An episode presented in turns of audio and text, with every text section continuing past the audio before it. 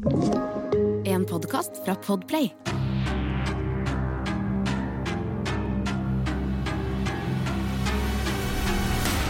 Hei og velkommen til Forsyningsfredag podcast.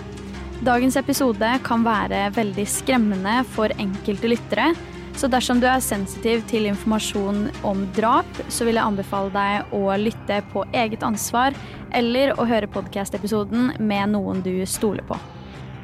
Når du ser for deg en seriemorder, så er det vel ikke akkurat en eldre, pensjonert kvinne du ser for deg? Vel, denne ukens sak vil nok sjokkere mange. Tamara Samsonova skulle senere bli kjent som The Granny Ripper. Men hvorfor det? Jeg skal dra dere helt tilbake til begynnelsen. Det er generelt lite informasjon ute om oppveksten til Tamara, men det vi vet, er at hun er født 5.2.1947 i Usur i Russland. Etter å ha fullført videregående flytter hun til Moskva for å studere ved universitetet i Moskva for å spesialisere seg innenfor språk. Etter å ha fullført løpet sitt på slutten av 60-tallet, flytter hun til St. Petersburg og gifter seg i 1971 med Aleksej Samsonova. De to flytter etter hvert sammen i en leilighet, og det er her bokstavelig talt alt skal skje. Tamara jobber på et punkt i et reisebyrå og var gjennom dette her ansatt hos Grand Hotel Europe. Alexi jobber på tidspunktet på et bilverksted.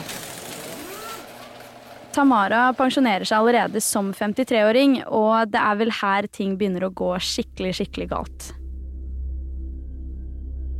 Dette ekteskapet her syns jeg er interessant, og det er vi nødt til å prate litt mer om. For etter å ha vært gift i over 30 år, så forsvinner ektemannen på mystisk vis i 2000. Det er ingen spor, ingen brev og ingen forklaring. Tamaras forklaring til politiet er at han muligens kunne ha dratt frivillig og stukket av med sidespranget sitt. Dette kunne hun imidlertid ikke si for sikkert, ei heller hvorvidt han i det hele tatt hadde et sidesprang. Til dags dato er dette her i teorien en uløst forsvinning, selv om det er antatt at Tamara står bak denne forsvinningen og potensielt drapet. Etter forsvinningen begynner Tamara å leie ut et rom i leiligheten sin ettersom hun ikke hadde behov for all den ekstra plassen.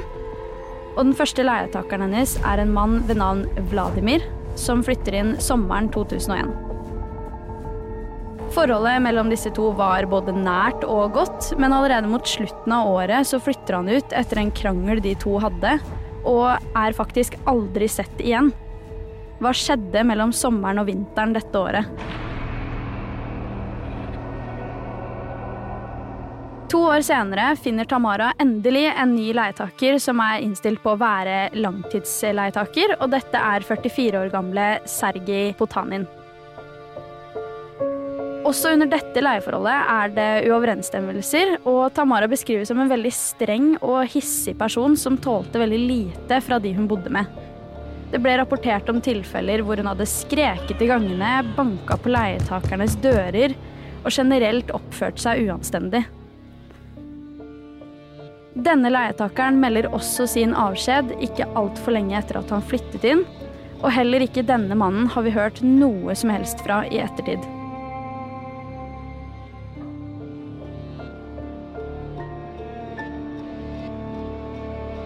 Dette blir et mønster det neste tiåret.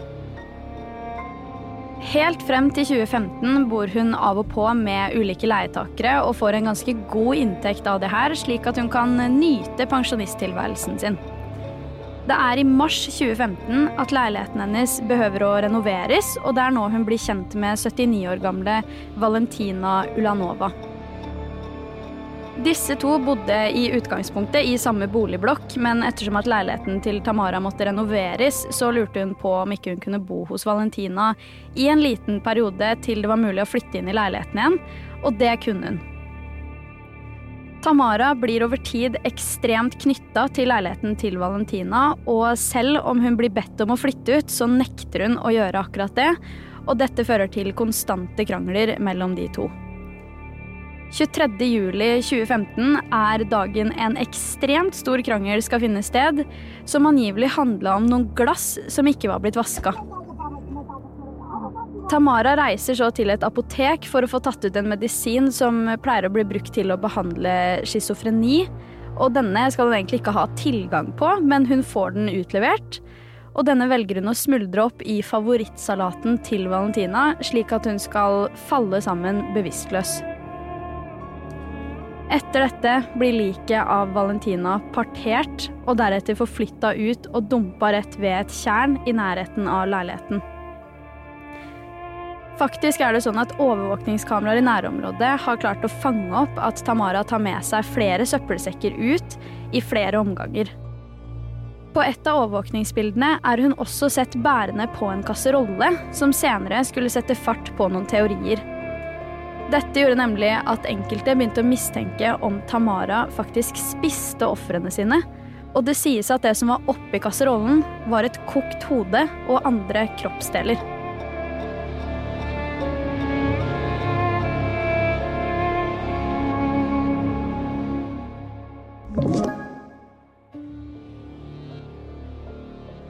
26.07.2015, tre dager senere, går en tilfeldig forbipasserende forbi en søppelpose liggende veldig unaturlig til, og av en eller annen grunn blir vedkommende veldig interessert i denne posen og bestemmer seg for å åpne den opp. Personen som åpner posen, blir så møtt av et partert lik.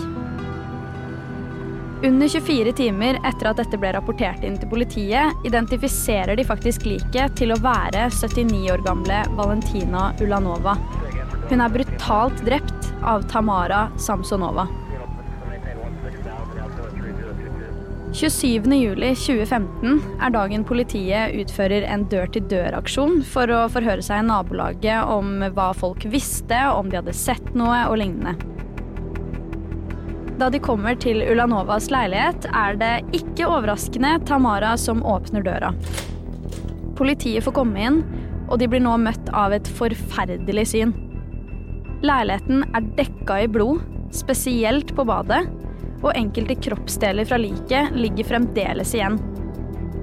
I tillegg er dusjforhenget avrevet, og dette antar de at har blitt brukt for å pakke inn kroppsdelene til Valentina.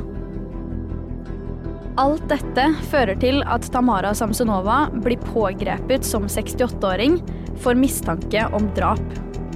Tamara tilstår drapet umiddelbart til politiet og blir nå nødt til å forklare i detalj hvordan hun begikk dette grusomme drapet. Ikke nok med det, men hun blir også nødt til å ta en psykiatrisk vurdering, som vi da får svar på i november 2015. Det skal vise seg at Tamara har lang historikk med psykiske helseproblemer, deriblant schizofreni, og hun blir vurdert til å være en fare for både seg selv og omverdenen. Mens etterforskningen pågår, blir hun plassert på et psykiatrisk sykehus for å få ganske heavy behandling der, og etterforskningen av 68 år gamle Tamara Samsonova knytter henne til totalt 14 drap. Noe som også er ganske sjukt i den saken her, er at politiet faktisk fant en journal eller dagbok i leiligheten, og den inneholdt ganske grove beskrivelser av hvordan Tamara hadde tatt livet av et stort antall mennesker. Og i denne dagboken så forklarer hun også hvorfor hun tok livet av disse menneskene, og brukte årsakene at hun hadde drukket kaffe eller sovet dårlig. Tamara Samsonova ender opp med å tilstå totalt 13 drap, og det er også på det punktet her at politiet klarte å finne ut at Tamara faktisk ikke offisielt meldte mannen sin savna før i 2005, fem år etter at han faktisk hadde forsvunnet. Liket hans ble heller aldri funnet, så dette er jo en av flere cold cases knytta til Tamara, som aldri har blitt tatt opp igjen på bakgrunn av manglende bevis. I dag er dette fremdeles en pågående sak, og Tamara har til dags dato ikke fått tildelt noen fengselsdom. Hun befinner seg fremdeles på et psykiatrisk sykehus, og hvor mange drap denne dama begikk totalt, får vi kanskje aldri vite. Alt vi vet, er at Tamara Samsonova brøt alle stereotypier for hva en seriemorder egentlig skulle være.